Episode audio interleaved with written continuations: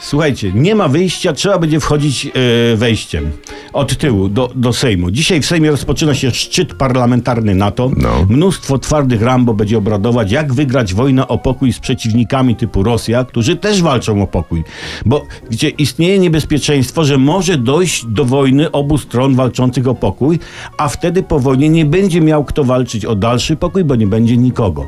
A więc słuchajcie, no ważne sprawy, a tu w Sejmie protest niepełnosprawnych i przepychanki z kobietami, które chciały wykorzystać sytuację i wywiesić za oknem transparent informujący po angielsku o proteście. No i strażnicy marszałkowscy odsunęli pani od okien, żeby, jak tłumaczono, nie wypadły. I ciekawe, czy oni w domu też odganiają od okien żony, kiedy te chcą umyć okna na święta, nie?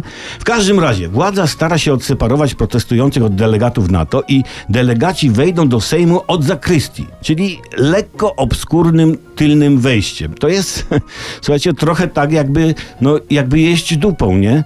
No, lepszym wyjściem byłoby takie wejście bezpośrednie na salę obrad. W tym celu jeszcze jest czas. Trzeba by przywieźć pod Sejm rynnę do zjeżdżania z jakiegoś akwaparku. Nie postawić przed Sejmem wylot rynny, dostawić do okna i chuzia na obrady, a po obradach katapultować do hotelu. Oczywiście, władza mogłaby nie ukrywać przed NATO, bo i tak się zorientują, że mamy w Sejmie protest.